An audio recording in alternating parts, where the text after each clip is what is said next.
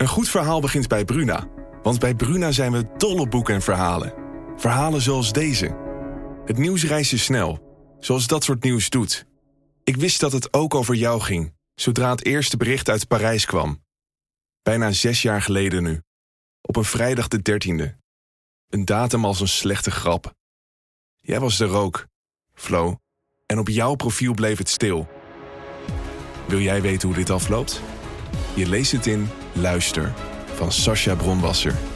Nu bij Bruna. Dit is Strik Privé, de dagelijkse showbiz-update met Evert Zandgoeds en Jordi Versteegde. We trappen hem af voor de laatste week van september alweer. Aflevering 42 van de Strik Privé podcast. Evert, goed weekend gehad? Ja, heerlijk. Eindelijk weer een weekend even zonder koningin Elisabeth. Want de afgelopen twee stonden in het teken daarvan natuurlijk. Maar ja, dat was ook wel weer lekker. En jij was naar Groningen? Naar Groningen, dat zit ik eh, eerlijk gezegd nog steeds. Ik ben bij Clouseau geweest. Uh, ken je die? Ja, die ken je wel, ja, toch? Dat is toch... Tuurlijk. Koen en ik zijn tegelijk jarig om te beginnen. Maar ja, die hebben veel meer hits dan je in eerste instantie zou denken. Als, die echt gaan, als je echt een album met hun grootste hit, denk je, oh ja, ook nog, ook nog, ook nog. Dus uh, ja, die, een succesvol bandje geweest altijd.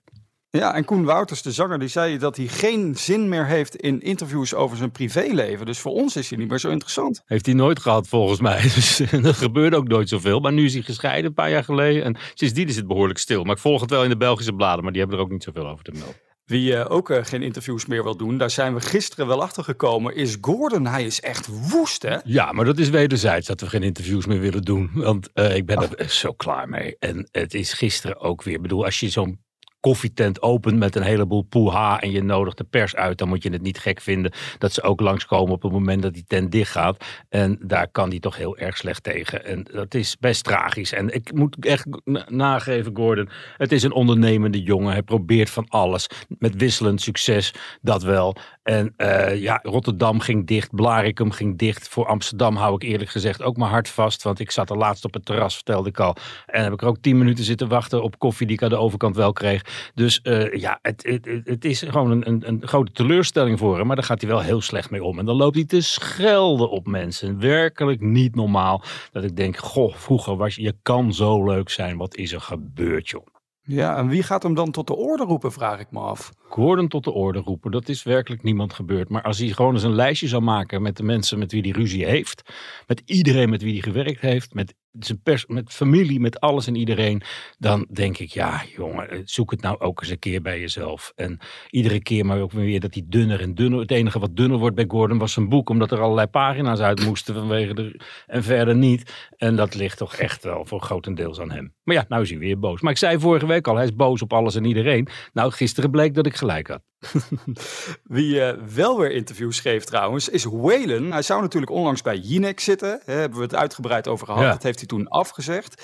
Maar gisteren, of nou eergisteren inmiddels ja. alweer, zat hij wel bij Matthijs van Nieuwkerk. Ja, en ging het niet over Bibi inderdaad. En dat heeft natuurlijk alles met te maken met de reden waarom het bij Eva niet doorging. Daar wilde hij het niet over hebben. En Eva denkt, daar kan ik niet aan, vooruit, aan voorbij gaan. Dus toen is besloten om dat niet te gaan doen. Dus het was wel heel raar geweest als hij het er nu bij Matthijs wel over zou hebben. Afgezien van het feit dat ik Matthijs nou niet heel erg op mijn stoel zie zitten en vragen over privélevens uh, zie stellen. Dus het ging over muziek, precies wat hij wilde. En over hoe het nou met Bibi is en hoe ze eruit gekomen zijn. Dat tasten we nog steeds in de duister. Ze zijn eruit gekomen, dat is het belangrijkste.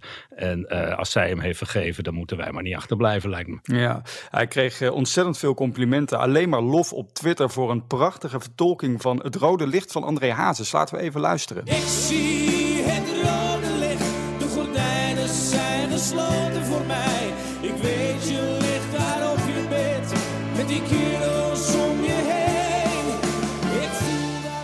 Hij heeft gewoon een prachtige stem, daar Ja, kunnen we duidelijk over zijn. Het is een van de beste zangers van Nederland, dat zeker. En eh, ja, hij is rock'n'roll en dat zal hij blijven. En dat weet Bibi ook. En eh, ja, jongens, eh, dat, dat is Waylon.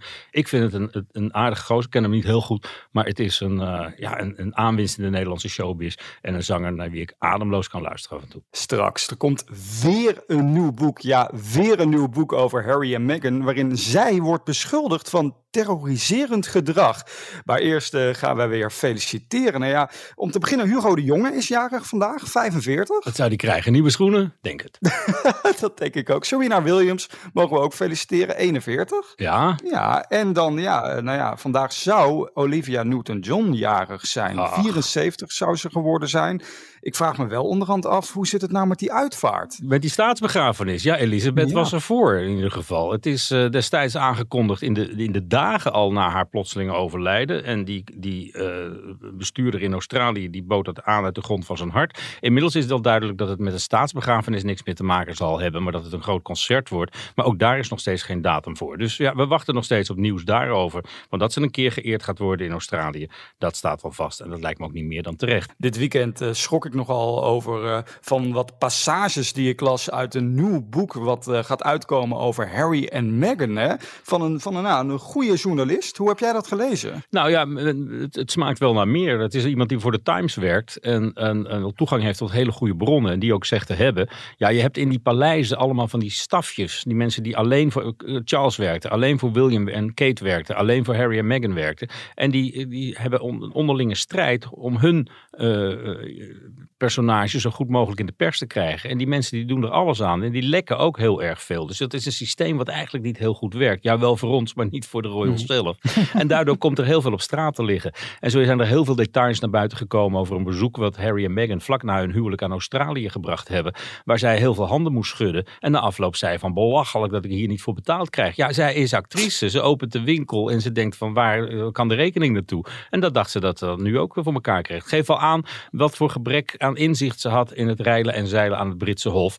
Maar uh, ja, god. En wat er ook uit blijkt uit dat boek is dat ze van tevoren al van plan is geweest om hem los te weken van zijn familie, met hem naar, naar Amerika te vertrekken en daar een eigen leven op te bouwen. En precies zo is het gegaan. Dus ja, ik denk dat het wel een interessant boek wordt, wat nog vooruit gaat dus aan het eigen boek waar zij dan weer eind van het jaar mee gaan komen. En wat dan weer helemaal pro Harry en Meghan is natuurlijk. Ja, en hoe zit het nou met dat boek van Harry dan? Want we hebben natuurlijk afgelopen weken er veel over gehad van joh, gaat het nu wel uitkomen? Niet uitkomen, hè, na natuurlijk uh, de uitvaart van Elizabeth. Maar gaat dat boek nog, nog steeds in november in de winkel liggen? Nou, volgens mij voor kerst, begin december. En dat gaat gewoon door hoor. Het voorschot is betaald, het boek is klaar. Het, het lag nog bij juristen om gecheckt te worden op elke punt en komma. En vervolgens komt dat er gewoon aan in een gigantische oplage. Want de verwachtingen bij de uitgeverij zijn hoog gespannen. En ja, miljoenen voorschot. Ik zei het al, het is betaald. Dus ja, dat moet ook worden terugverdiend. En koningin hmm. wel of niet dood, dat, dat gaat gewoon door. We gaan het uh, ongetwijfeld daar nog veel over hebben in, uh, in weer een nieuwe podcast. Dit was hem in ieder geval voor vandaag. En morgen, dan zijn we er natuurlijk gewoon weer om 12 uur. Tot dan. Mooie dag.